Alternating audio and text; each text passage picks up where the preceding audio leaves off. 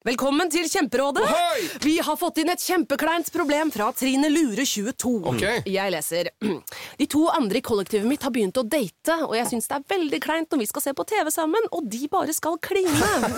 Ok, ja, Yes. Hvordan skal hun løse dette? Siden Trine Lure er under 30, får hun jo ubegrenset data fra Telenor fra 399 kroner. Da Da kan hun sette seg på sitt eget rom, streame så mye hun vil på mobilen. Ja, hun kan jo se på nye mobilabonnement på telenor.no. Ja, det er lurt.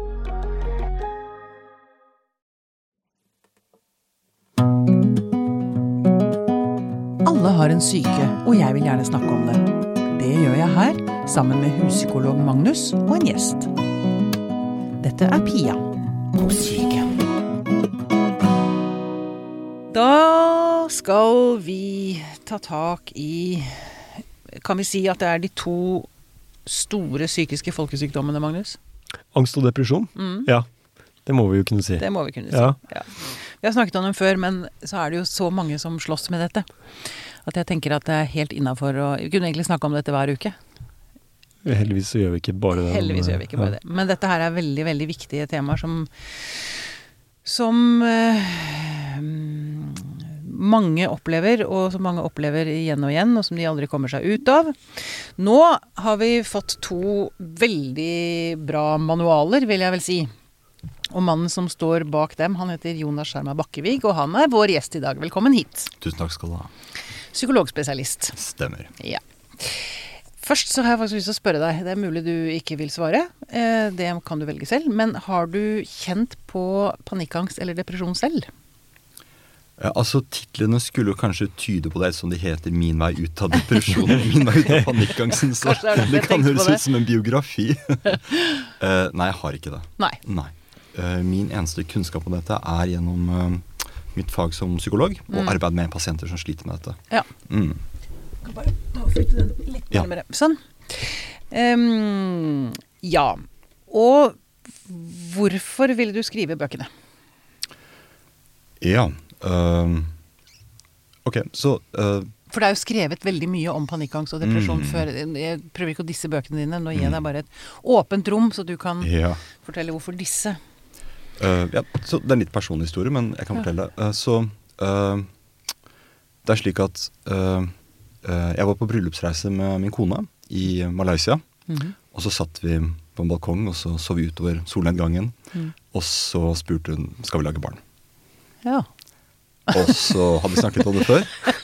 Men hun valgte Jeg var veldig spent på hvor den historien bærer. Er Og da gikk jeg rett inn i Vi vet, vi vet allerede at han ikke fikk, ble deprimert eller fikk panikkangst. Altså. Ja, sant.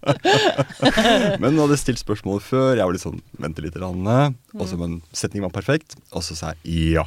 La oss gjøre det. Og fast forward et år, så ble min datter født. Og det, er så, det var så unikt og rart for meg, for jeg husker et øyeblikk så godt. Hvor det var en idé vi hadde som var basert på bare ren, ren kjærlighet. Og så plutselig var det et levende vesen utviklet av den ideen. Ok, so far so good. Så slik at når du får barn, så fikk jeg en sønn også, så er det slik at du begynner å synkronisere døgnrytme med dem.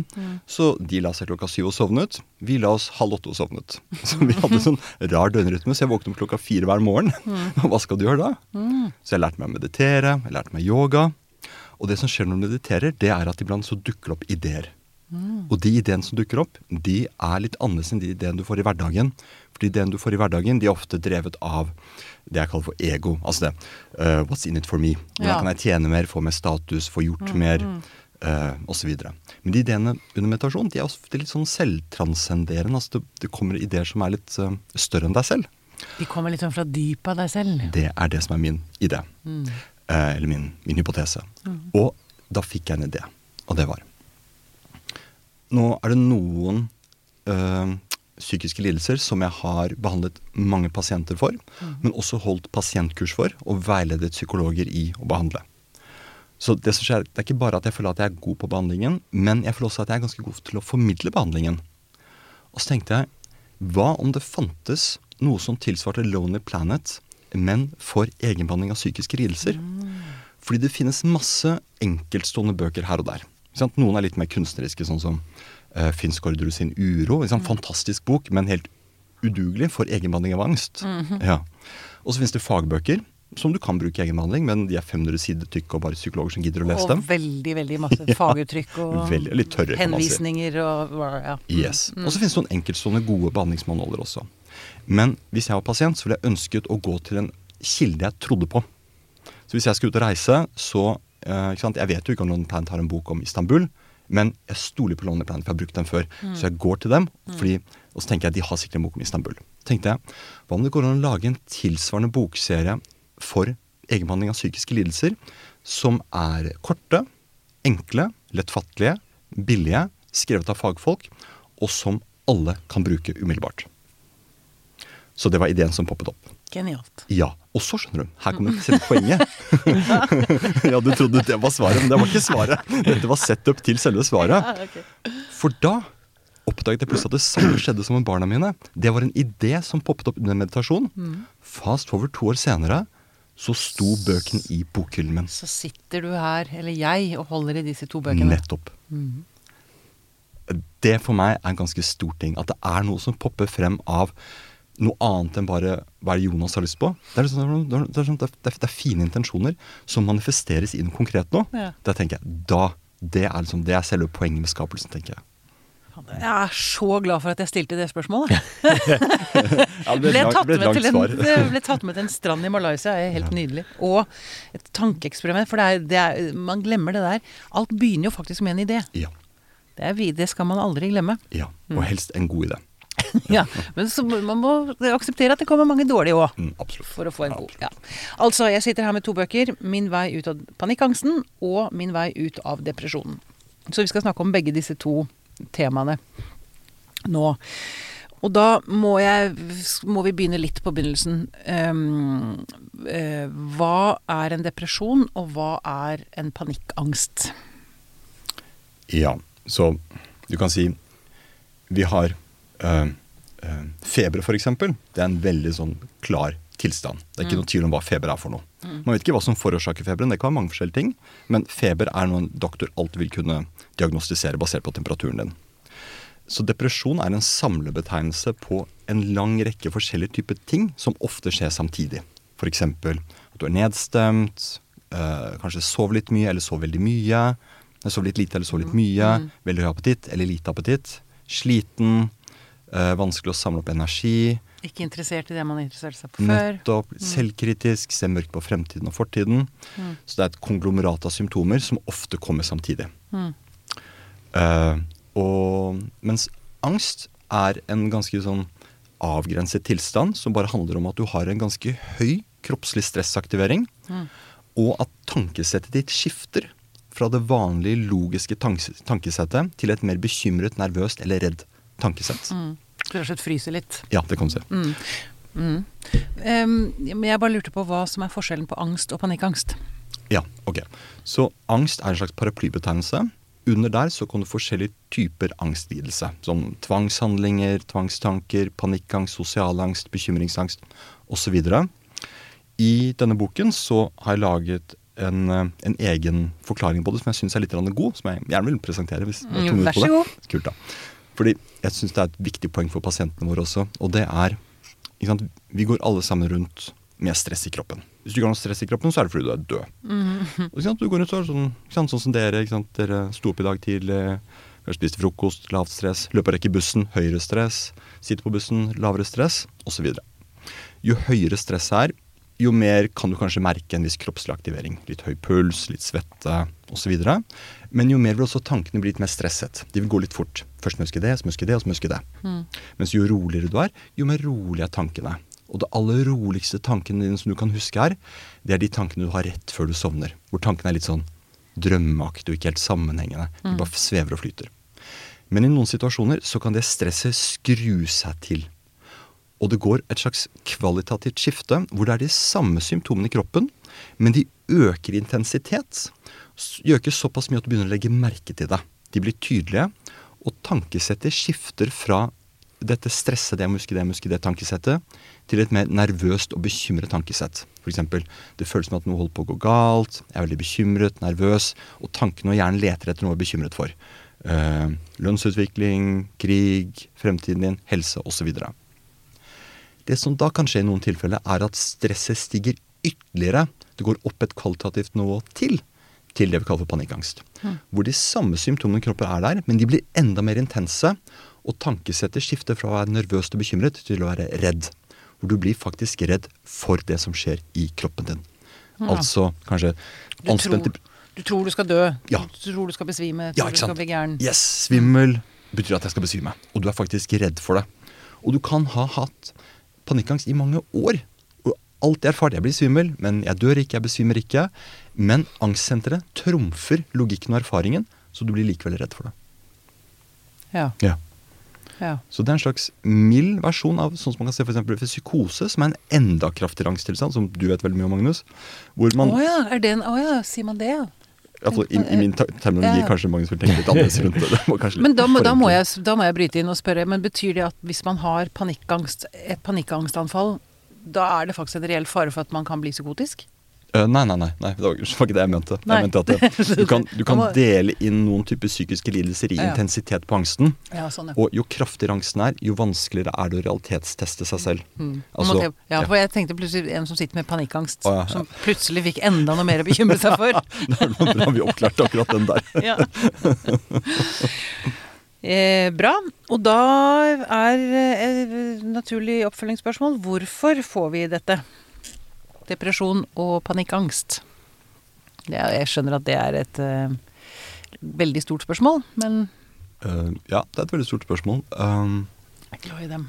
Uh, det fins Jeg må jo si jeg, jeg talte på et punkt hvor mange pasienter har hatt i terapi. Mm. Enten i individualbehandling eller i gruppe. Jeg kom på at det er et sted mellom eh, 500 og 700 pasienter. Mm. Så forsøkte jeg, har jeg tenkt på det, Hva er det som er den typiske utviklingen for en depresjon eller angst eller søvnplager eller spiseforstyrrelse eller personlighetsproblematikk? Mm.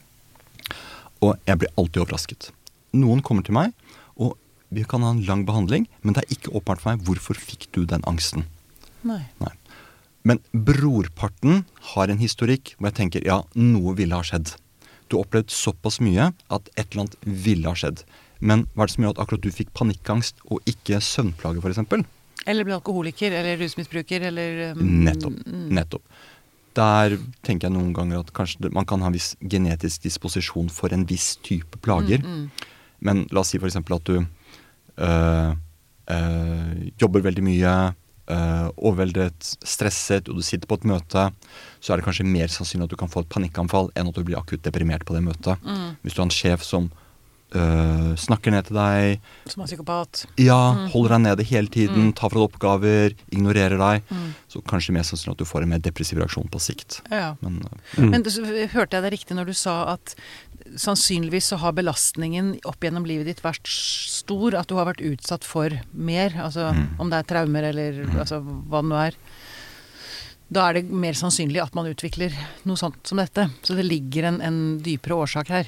Ja, tenker ofte, men at de fikk panikkangst, man kunne sikkert fått migrene istedenfor. Ja ja, ikke Mm. sant. Ja. Nettopp, nettopp, Mm, ja. mm. Det er, eh, min vei ut av depresjon er lettere å forklare enn meg- min vei inn i depresjon, kanskje.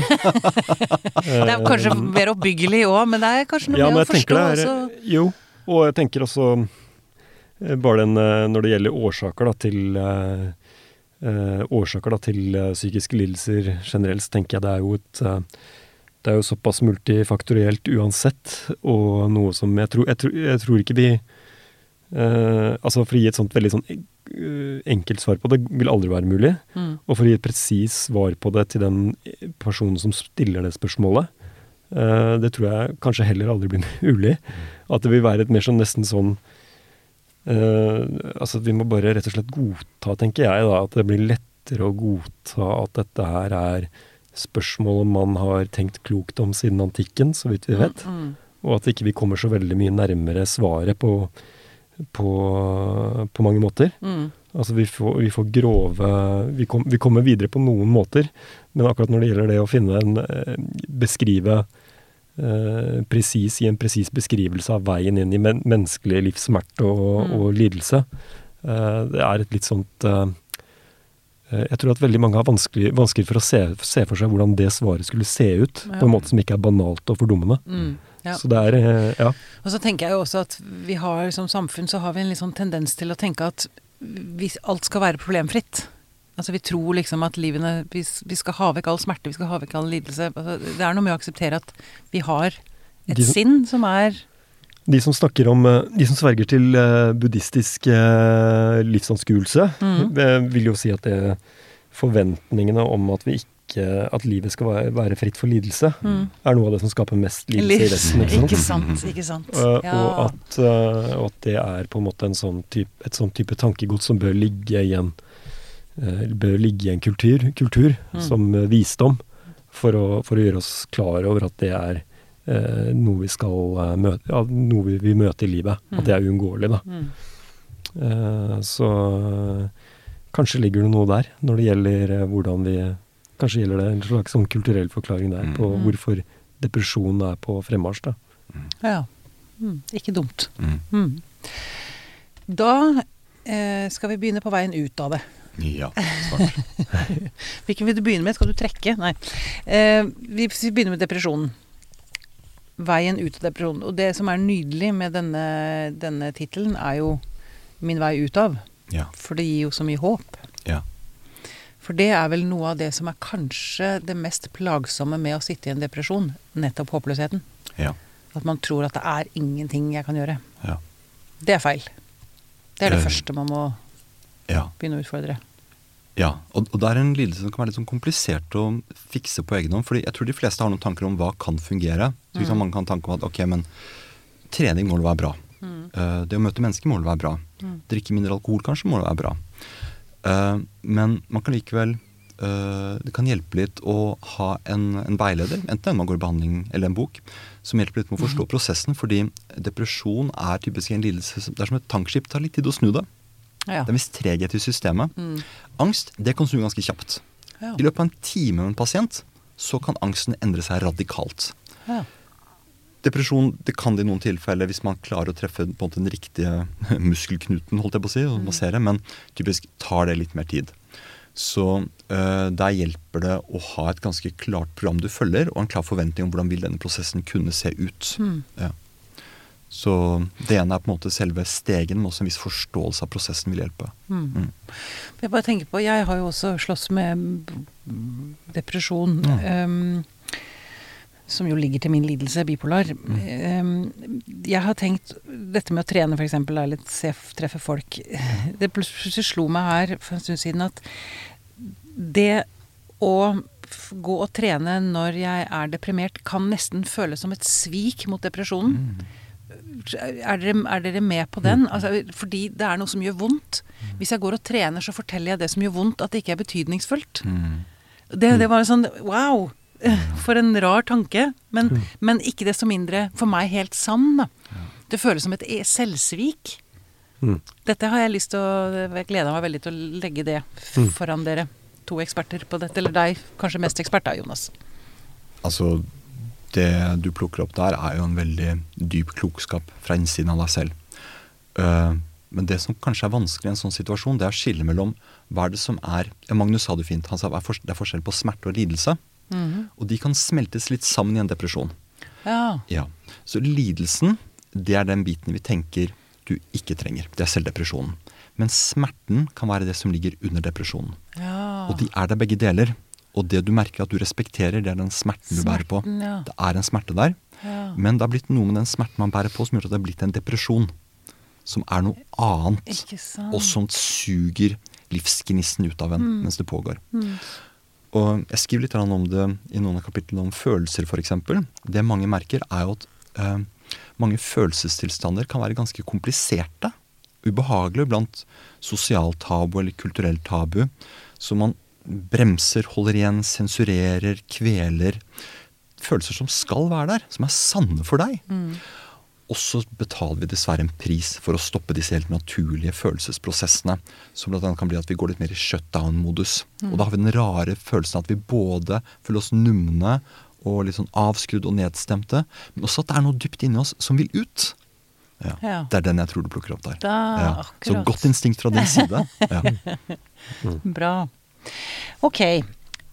Ut av altså, denne veien som man da skal finne, det, eh, hvor begynner man? Hvis man altså, det er, jeg, jeg innbiller meg liksom at det første steget kanskje nesten er det verste. At, fordi da sier man at 'nå vil jeg ikke mer'. Men ja. At det er det tyngste. Det er sånn dørstokkmila på en eller annen måte. Altså, jeg tenker ofte at mange av de som kommer i behandling, eh, eller tar kontakt som har kjøpt bøkene, forteller at eh, de kom for sent i gang. Mm. Og det tror jeg bare handlet om den uh, frosken i det kokende vannet. Ja. Ja, ja Mm. Dere kjente metaforen. Altså, de har på en måte, det har vært en gradvis forverring. De skjønner ikke at de dør fordi de Nettopp. De har vært der er såpass lenge. Det har Mm. skrudd seg sakte til. Mm. Uh, men det er noen som på en måte akutt blir dårlige. Fordi det er en akutt livskrise, og du merker at dette tåler jeg ikke. Jeg kollapser Mm. på et vis. Mm. De kommer kjappere i gang.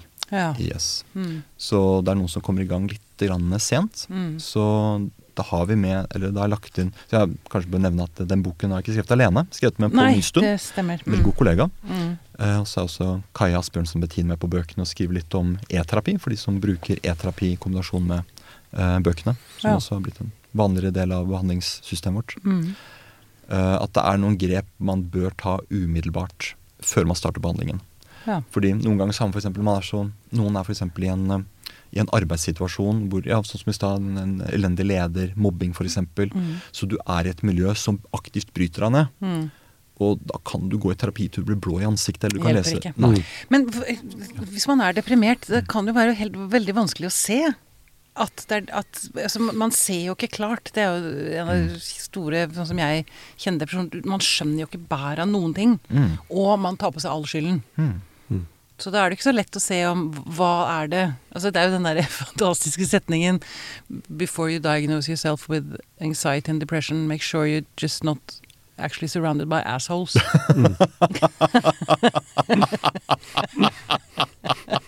Hadde du ikke hørt den før? Nei, den hadde jeg ikke hørt før. Det er veldig bra. Den var god. Ja. Men det er ikke så lett å se med det. Om man, ser at det, ja, man tenker jo at det er jeg som er assholet her. Du ser jo ikke at det kanskje er andre som faktisk påfører deg dette. Mm. Miljøet. Mm. Ja. Ja, da, kan man, da kan man jo gå i gang og, og jobbe på spreng for å komme seg ut, i, i, ut av depresjonen. Da er det en annen meme som heter If you uh, If you really put uh, work into it, you can replace depression with exhaustion. ja, ikke sant. Ikke sant. Og ja.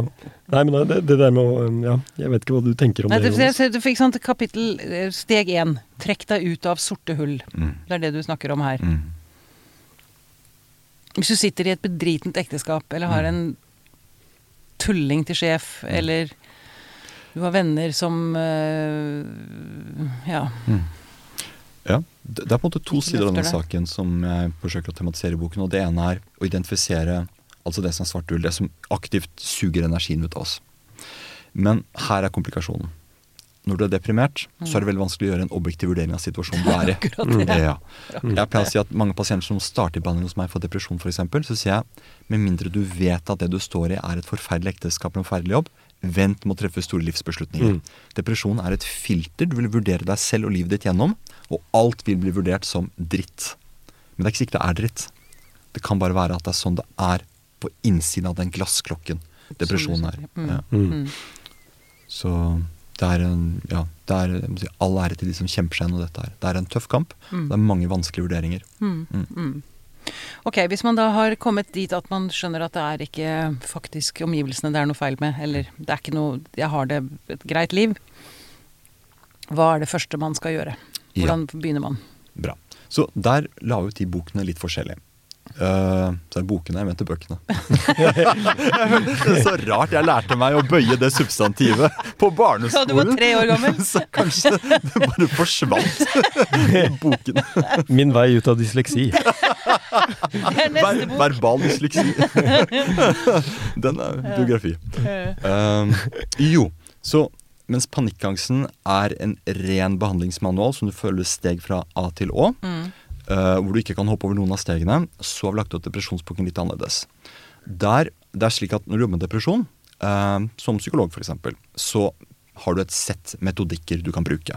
Eh, og det vi har gjort da, er at vi har tatt metoder og teknikker fra de behandlingsformene vi opplever har størst mulighet for effekt når du gjør det på egen hånd.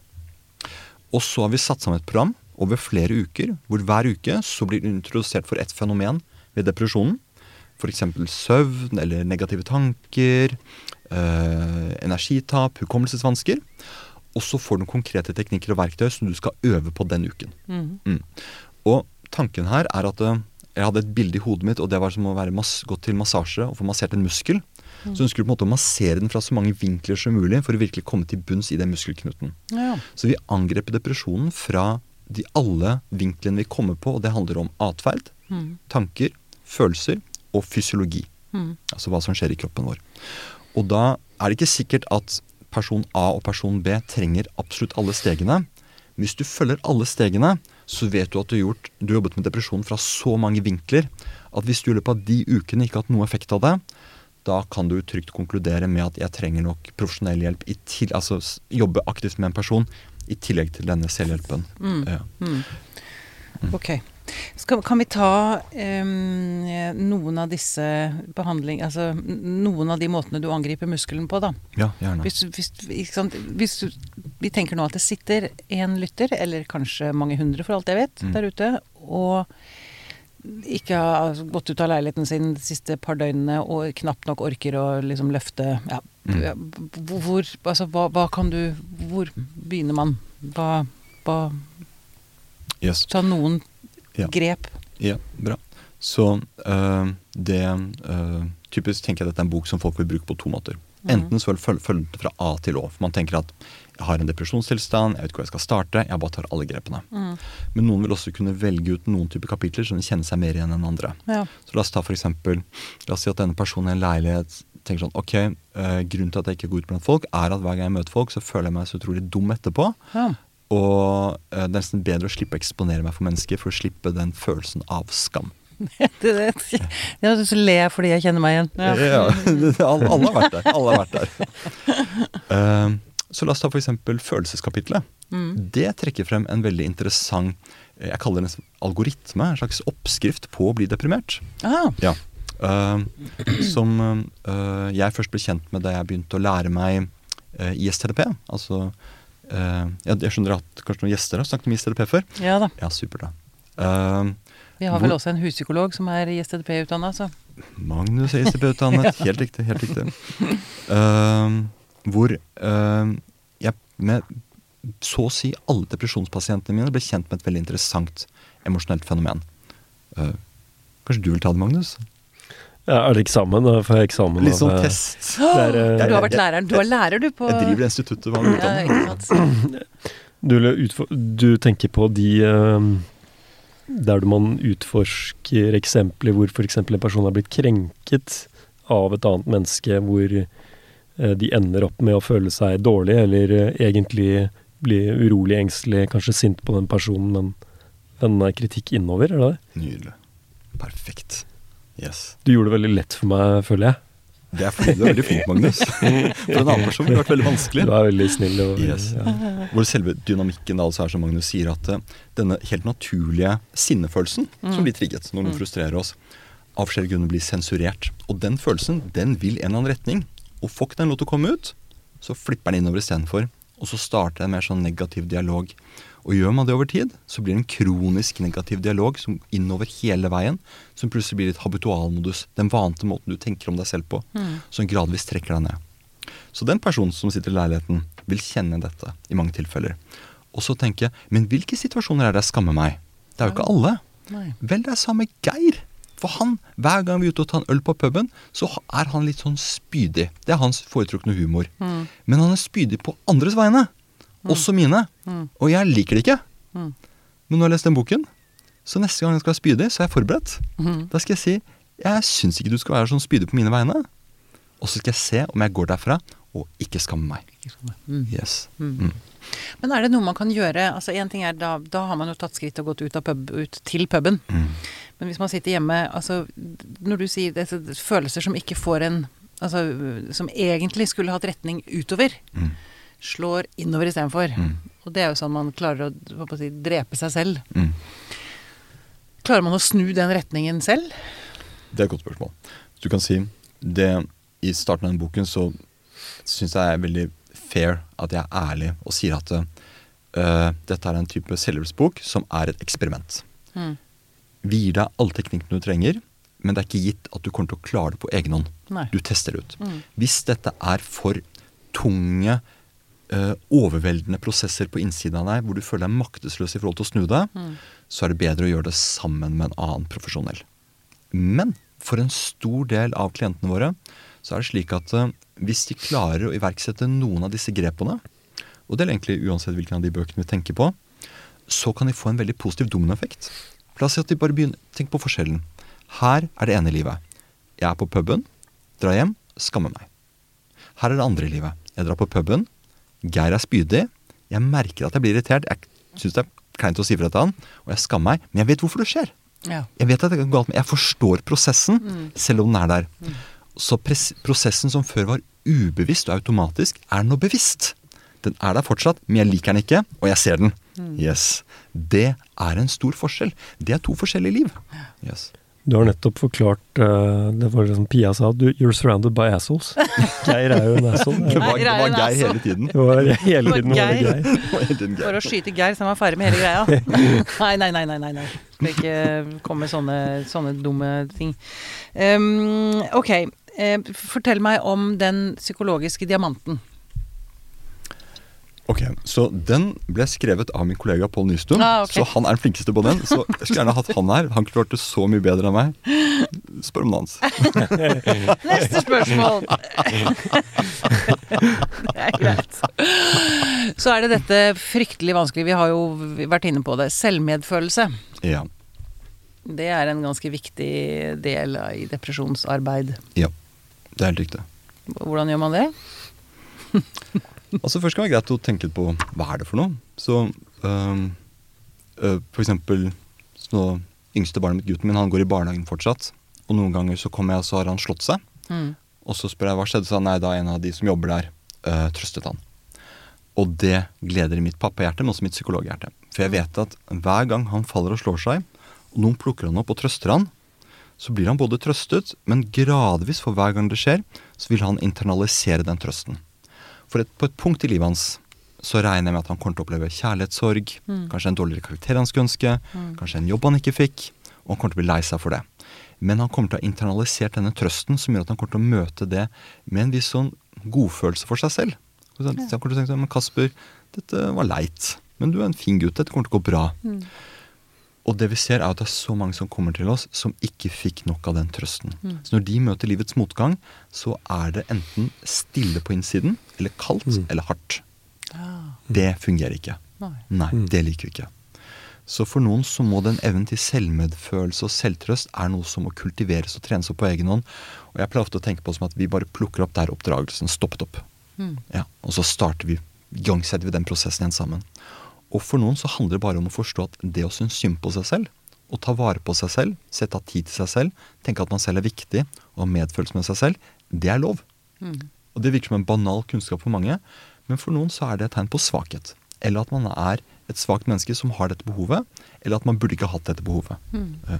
Eller at man kanskje nesten ikke ser at det er det man trenger. Mm. at når man ikke, hvis man ikke har fått det, Ja, det så vet poeng. man nesten ikke hva det er. Det er et godt poeng. Det er Liksom. et veldig godt poeng. Og da er det jo ikke så lett å sette fingeren på det heller. Ja. Mm.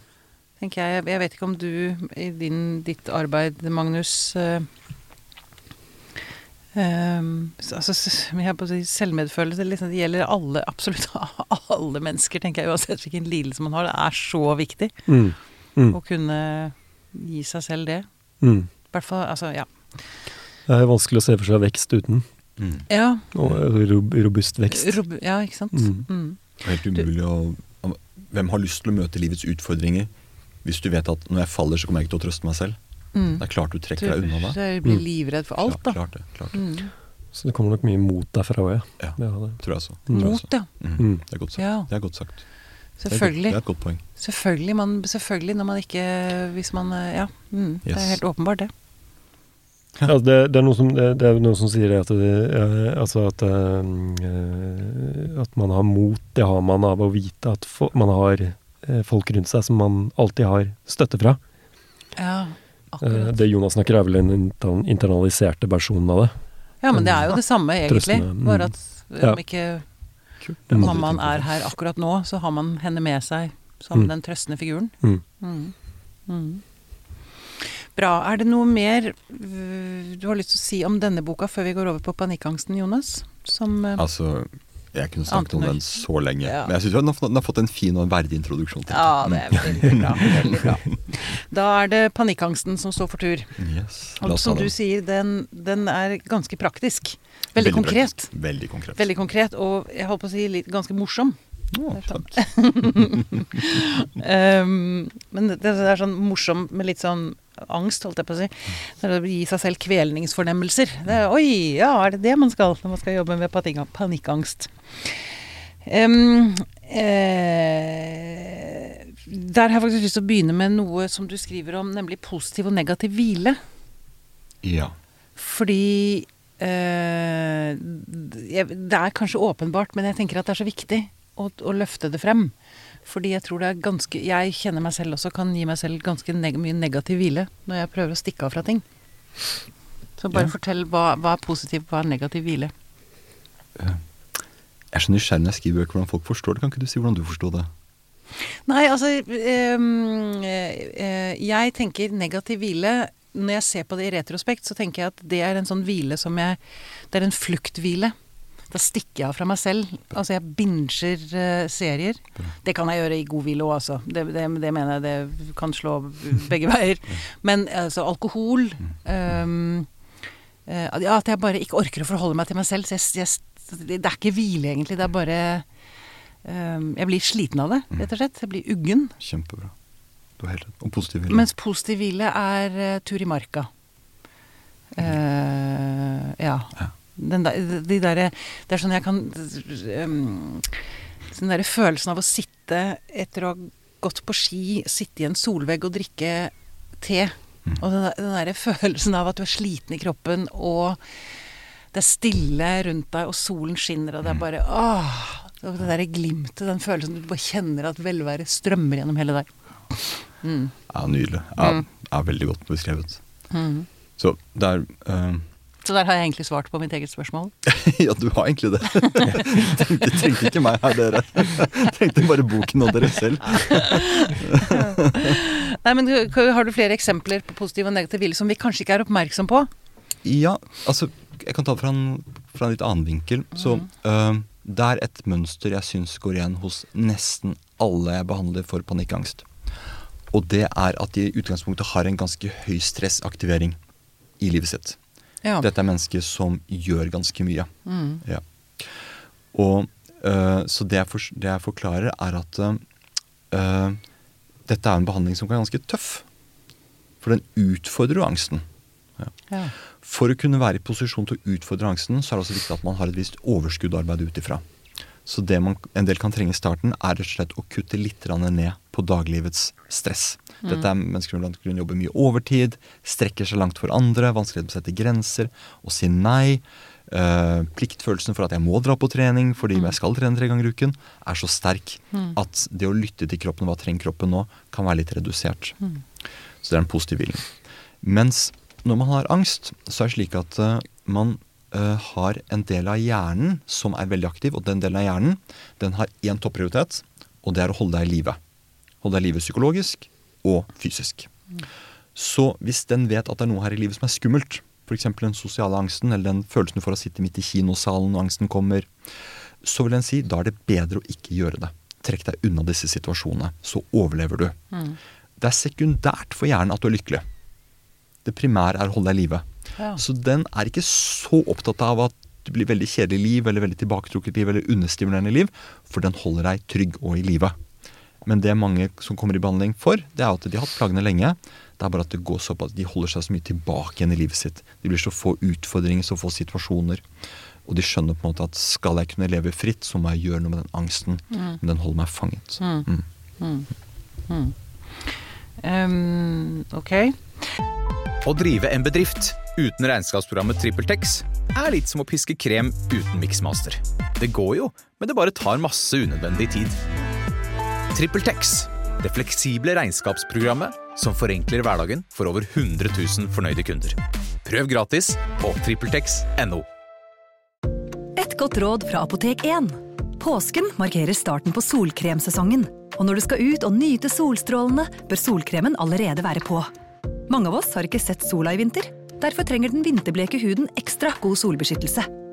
Husk solkrem selv om det er overskyet, og at snø og sjø gir økt reflektering av solstrålene. Kom innom og få råd på ditt nærmeste Apotek 1, eller chat med oss på apotek1.no.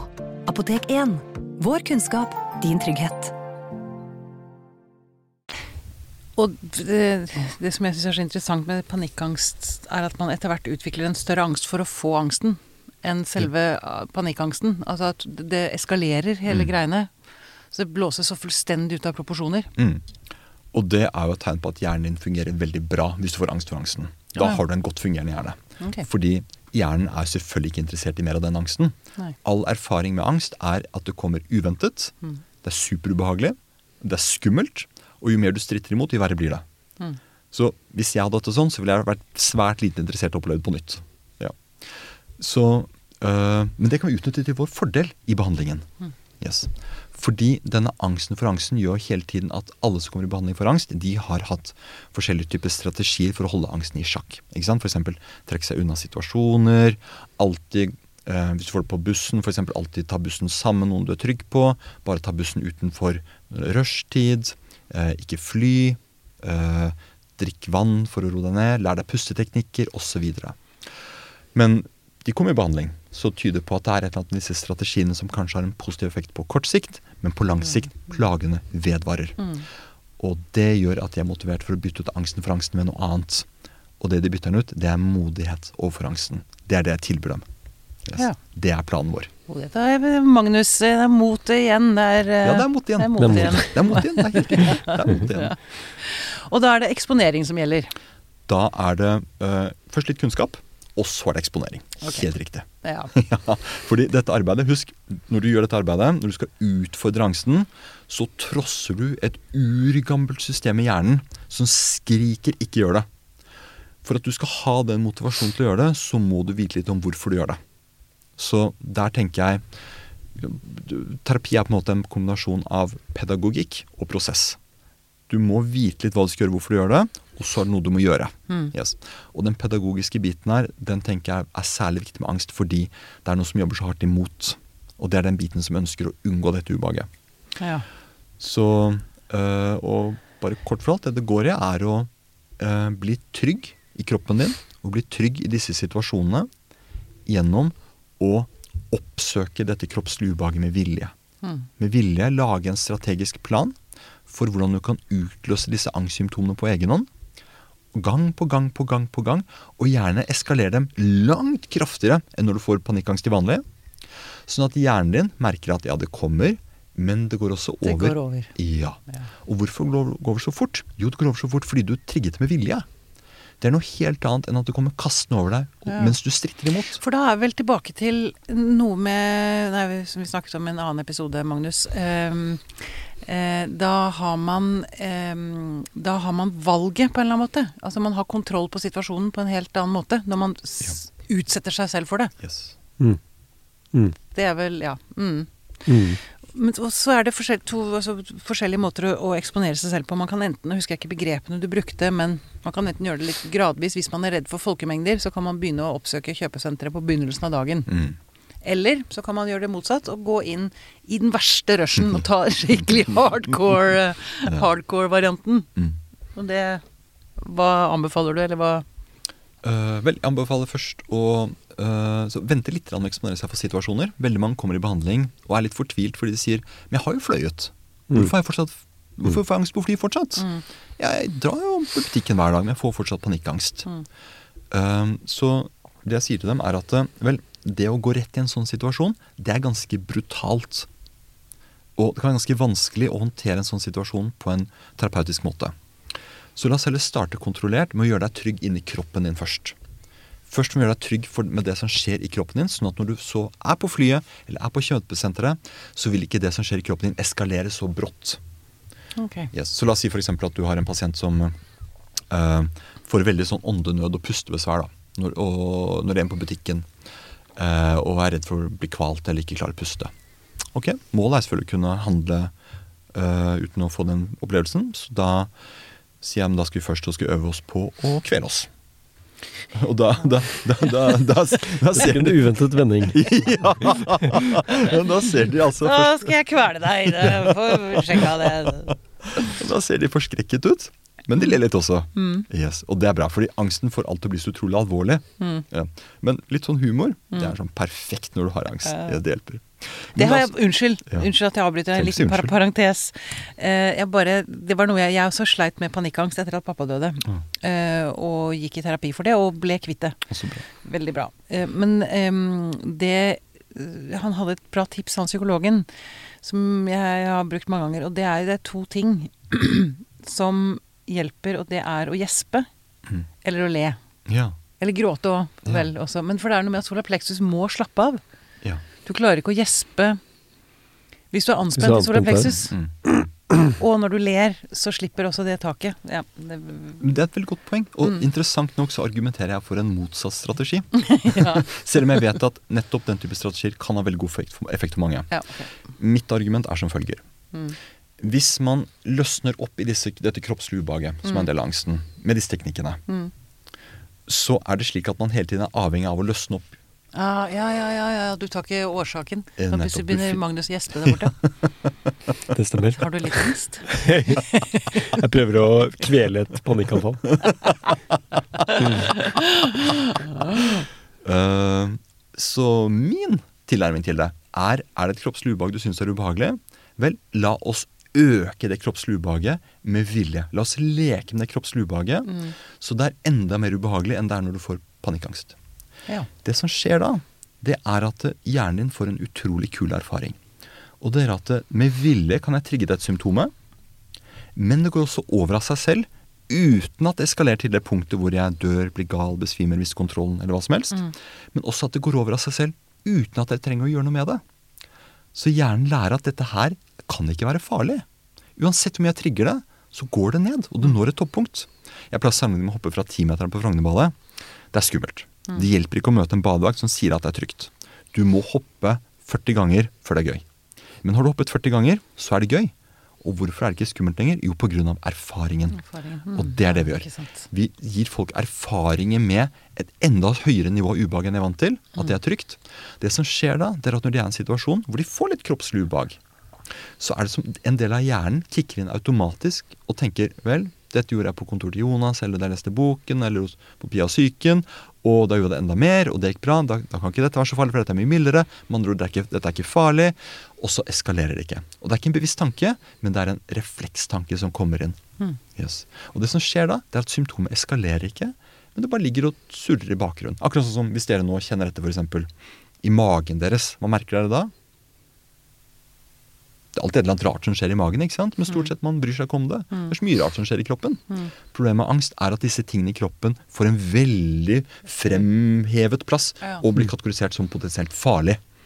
Og det er den jeg vil til livs. Ja, ikke sant. Og du har, det, er igjen, man, du har forskjellige måter man kan da trigge kroppslige, kroppslige ting. Nettopp. Som å stå snurre rundt og rundt og rundt og rundt. Perfekt. Ja. Og det er, det er gøy, vet du, for du vet, mange av de pasienter som har panikkangst, sliter med svimmelhet f.eks., eller nummenhet, prikking, pipping i ørene, eh, og symptomer som er veldig lett å trigge med disse øvelsene. Mm. Og det nesten alle sier er 'jeg pleide å synes dette var gøy da jeg var liten'. ja, ikke sant. Jeg likte å dra på karusell, Ja. men jeg har ikke hatt den følelsen av en liten gutt. Mm. Det er et magisk øyeblikk. For plutselig skjønner jeg at jeg har mistet litt av denne livsgleden og spontaniteten. For jeg måtte ta sånn kontroll over kroppen min. Ja. Jeg kunne ikke få disse helt normale kroppsreaksjonene. Men plutselig, hvis jeg kan få lov til å være i kroppen min og ha litt sånn kiling i magen, litt sånn letthet i hodet, litt sånn piping i ørene, litt nummenhet, litt prikking, litt svette, uten at det er farlig, da, er da kan jeg dra på trening, jeg kan dra til Syden, jeg kan sitte på en full buss, jeg kan stå på hodet, jeg kan dra på Tusenfryd. Så friheten kommer tilbake. Og frihet, det, Det er, et, det er vi for. Det liker vi. Det er vi for. Det liker. Men du må også fortelle hvordan man skal kvele seg selv. Sånn rent sånn teknisk? Ja. det er bra du spør, fordi jeg måtte øve meg på det. Jeg jeg prøvde det i stedet jeg leste det. Du skal få lov til å fortelle om det. Jeg kan det, men jeg syns det er veldig sånn fin øvelse. Og for min del så gjaldt det veldig oppdaget at eh, hvis du sitter på et fly som skal ta av om sommeren, og så blir det forsinket, så skrur de ikke på viftene. Nei. Så det er dårlig luft der inne. Ah. Alle er sure, ah, og det er varmt. Det er mm. Og du kan få litt sånn klaustrofobisk følelse. Mm. Yes. Denne øvelsen kurerer deg for den klaustrofobiske følelsen. Mhm. Så dette er gull verdt uavhengig av panikkangst eller ikke. Ok, da tar vi den sammen. La oss ta den sammen. Så Ja. uh, er dere høyrehendt eller kjærvendt? Høyrehendt. Høyrehendt? Perfekt. ok. Så uh, dere legger da altså selve hånd, høyre håndflate den legger dere over munnen. Det er egentlig mest bare for å passe på at dere ikke puster med munnen deres. Mens tommelen den klemmer igjen da høyre nesebor helt. Sånn at dere ikke klarer å puste med munnen eller høyre nesebor. Så bruker dere pekefingeren da og klemme opp mot venstre nesebor. Sånn, ja. Veldig bra. Og der skal jeg klemme såpass hardt at dere kan høre luften gå inn det neseboret som en tynn stripe. Sånn, ja. Det er sånn det skal høres ut. Hvis dere nå bare, bare puster litt sånn inn og ut, så vil dere merke at etter en 20-30 sekunder så begynner lungene å fylles opp uten at dere klarer å tømme dem helt. Dere får heller ikke inn nok oksygen, men dere får heller ikke ut nok oksygen. Så dere vil kunne Oi, ja, Der skal du holde deg, skjønner du. Der skal du fortsette. Der skal du være. Tilbake. Når dere når det punktet hvor du har lyst til å ta bort hånden, du må klemme litt mer. Når det når punktet for lyst til å ta bort hånden, det er der det skal være. For da overkjører det et instinkt som sier 'stopp dette her, dette er farlig'. Det er som å være på månen hvor det er på en måte 5 oksygen. Dette er veldig bra. Ja, bra. Der skal du holde deg, Magnus. Akkurat der du er nå. Der skal du ligge. Du må klemme litt mer nå, Pia. Hvis du sitter stille, så gjør du det ikke riktig. bra, Magnus. Der er du. Sånn, ja. Fint. Ja, sånn. Ja, bra. Der er du. Ok, da kan dere slippe opp. Nei, jeg tror ikke jeg, jeg kom ikke Du var der første gangen, var det helt var- perfekt. Det var helt perfekt. det var Det er akkurat det punktet du skal ligge på. Fordi tenk, det nivået ubehag, det er mer enn det du klarer. Ja, det er ekkelt. Og, men tenk det nivået ubehag, det er langt kraftigere enn det du klarer for panikkanfall. Når du får panikkangst, så er det mer sånn, det snører seg litt. Rann. Her er det jo, det blir jo nesten ikke verre. Og det gikk bra. Og det, jeg overlevde det, og da lærer jeg hjernen min at jeg overlever. Yes, De mildere versjonene av det også. Nydelig. Der har du det. Der har du det. Kult! Ja, det er litt kult. Det er veldig Mm. Du, eh, ja, vi, vi får jo ikke tatt hele boka eh, her, men er det flere sånne geniale små triks du kan dele? Mm, det har jeg lyst til. Det har jeg lyst til. Eh, så ja, for eksempel. Så det som er ganske vanlig når du har panikkangst Ikke alle har det, men det som er ganske vanlig, det er katastrofetanker. Det betyr at du Det blir så ubehagelig, og angsten er så høy at du blir redd for at eller, Og når angsten er så høy, så leter du etter noe å være engstelig for. Og det mest nærliggende er disse kraftige symptomene i kroppen. Så la oss si for eksempel øh, øh, uvirkelighetsfølelse. er et ganske vanlig symptom. Og hva blir folk redde for da når de får uvirkelighetsfølelse? Hva ville dere vært redde for? Uvir når man får uvirkelighetsfølelse? Det er at man er, uh, mister vettet. Ja, altså, man man går fra, man går fra går fra forstand. forstanden. Ja, klart, veldig forståelig. Eh, og så spør jeg dem ja, hva, hva gjør du da når du uh, La oss si at de er, i behandling, og så fortalte de i går var jeg på bussen og fikk den virkelighetsfølelsen og trodde jeg holdt på å bli gal. Så spør jeg ja, hva, hva gjorde du da? Nei, da tenker jeg på det du sa, at eh, det er ikke farlig, det er bare angst. Så jeg, ja, det er, veldig, det er en veldig vanlig tanke å få. Men la oss spørre oss selv nå. Den tanken, Brukte du den tanken for å roe deg ned? Ja, selvfølgelig. Så jeg, ja, denne behandlingen vi to holder på med nå, handler den om å roe deg ned? Eller handler det om å eksponere deg for det som er ubehagelig? Det handler om å eksponere deg for det som er ubehagelig. Ja, for hvis du roer deg ned, må du ikke bare roe deg ned gang på gang på gang da? Ja, er ikke det litt kjedelig? Jo, det er det. Ok, så vi må eksponere oss for dette her. Ja, hvordan kan jeg eksponere meg for dette her, spør de.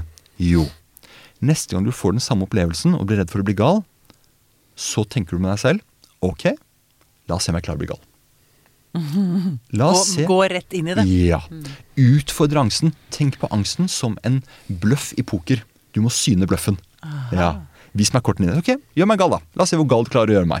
La oss se om du klarer å gjøre meg virkelig, virkelig, virkelig Bring it on! Ja, der er det. Det er mentaliteten. Yes, der er det. Mm. Ok. Og det liker vi, for det er litt humor der, da. Ja, ja, ja. Magnus, hva, hva tenker du her? Ja, på å komme tilbake, få pusten tilbake etter den øvelsen. Jeg tenker ikke så klart. du har plutselig Jeg mangler surstoff, rett og slett. Det er, Begynner å bli tett inne i studio her òg nå, så Nei da. nei, men eh, Vi har jo lest hver vår bok, eh, Pia, mm. for, til forberedelse på dette. her. Jeg tenker jo den der eh, depresjonsboken som jeg leser, da, som er jo på en måte litt mer sånn sentral for det jeg jobber med til vanlig. At, det, Mm. at det var veldig eh, Det jeg likte veldig godt, var at det er en sånn veldig sånn rikholdig meny av uh, ulike tilnærminger. Og en god del av det som sto der også, er refererer til en del studier og forskning som jeg kjenner igjen også, og noe som ikke er nevnt. Uh, bruk av lys, uh, lysbehandling ved depresjon, f.eks. Som mange som har vært, eh, har vært der egentlig siden, nevnt siden 80-tallet, men som man, de gode studiene på det er kommet egentlig ganske nylig. Ja. At det egentlig er ganske eh, Det ser ut i de beste studiene man har til å være eh, ha, ha bedre effekt enn mye, mange av de uh, type behandling folk får eh, rutinemessig. Mm. Og, og så er det jo dette her med at um, Nei, bare det at um, det er mange veier ut av depresjonen, så Ja. man trenger veldig mange uh, Det er et godt poeng. det, ja, Men det poenget gjør du med den boken, da. Mm. Ved å, ved å by på så mye. Ja, og du da, Jonas. Er det Har du har, Tenker du at vi har fått dekket bøkene? Er det, er det mer du tenker er viktig å si igjen? da, så hvis du tenker på de som sitter der ute, som kanskje sliter med både det ene og det andre. Eller, altså, man kan jo ha begge disse samtidig. Depresjon og panikkangst. Absolutt. Ja, ja, ja. Altså, uh, I starten da jeg skrev bøkene, så tenkte jeg dette er for de som har disse vi kaller for symptomlidelser. Mm. disse plagene. Tenkte jeg etter hvert ok, men jeg kan tenke litt bredere enn som så. For det er noen som har ganske mange plager. Og disse bøkene vil ikke være nok. Men la oss si at du har en traumetilstand, du sover dårlig, kanskje en spiseforstyrrelse og panikkangst. Mm. Ok, så kanskje du går i behandling, men du har fortsatt panikkangst. Greit. Hvis du klarer å behandle panikkangsten, da skjer ganske mye, faktisk. Da vil du merke at du er ikke så redd, du bruker ikke så mye mental og fysisk energi. Og du har også en mestringsopplevelse i forhold til en ganske stor fiende på innsiden. Så etter hvert skjønte jeg nei, vet du, at dette kan være et supplement til også mer kompliserte forløp. Mm. Ja. Og så var det en ting til jeg også skjønte mens jeg skrev, som gjorde at jeg endret litt på hvordan jeg skrev bøkene. For jeg skjønte at dette er også bøker som jeg skulle ønske jeg hadde da jeg var ung psykolog. ja. For det med å behandle panikkangst, det visste ikke jeg da jeg var ut- ferdigutdannet psykolog. Jeg lærte mine pasienter å stresse ned og roe seg ned, sånn som du lærte. Ja, absolutt. Ja. Og absolutt mange kan ha god effekt av det. Det skjønte jeg, men jeg trenger å lære meg denne måten å jobbe på også. Mm. Så det er også tenkt som en, eh, en enkel behandlingsmanual for fastleger, unge psykologer, psykiatriske sykepleiere, unge leger som Ja. jobber med den type tematikk. Mm. Mm. Bare si at en ting til jeg også lærte i den terapien Ja. med panikkangsten, var Jeg satte ansikt på frykten. Oh, ja. Jeg, så jeg så sånne små sånne slimete troll ja. som vokste og vokste og vokste. vokste. Ah. Og idet jeg begynte å se på dem, så hadde de jo ikke noe de skulle stille opp med. Det, det er eksponering. Det er eksponering. Eksponering, Ja, ja, ja. ja. Bra. Stilig. Mm.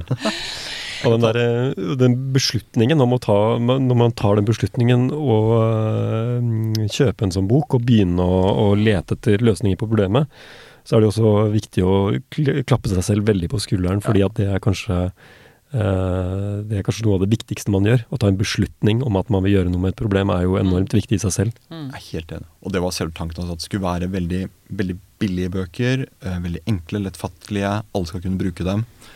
Og det er sånn Min store stolthet med de bøkene, det er at jeg får nesten ingenting ut av det. Det er sånn det er et totalt tapsprosjekt. Jeg får komme på noen podkaster her og der. Økonomisk. og Det går så i minus på det.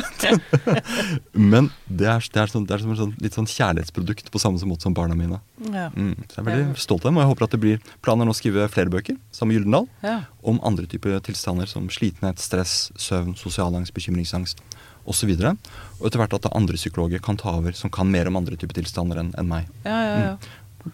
Da er det jo, når du ikke tjener på det, så er det veldig lett å selge dem. Hardt. Yes. Her. Ja.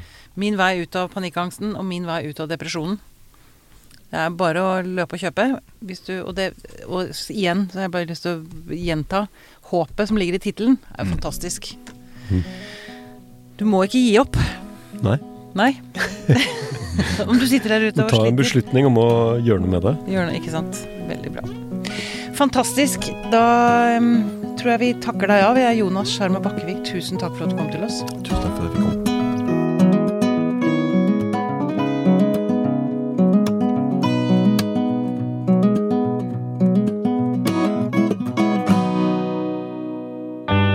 Denne podkasten er produsert av Tid og lyst. Med støtte fra stiftelsen Kåre Berg. 20 nye sparetips hos Kiwi. Mitt sparetips er nyheten fra First Price. Store tortillalefser. Garantert billigst i Kiwi. Nå får du First Price store tortillalefser til 29,90, First Price kjøttdeig av svin uten salt og vann til 29,90 og mange andre First Price-nyheter hos Kiwi.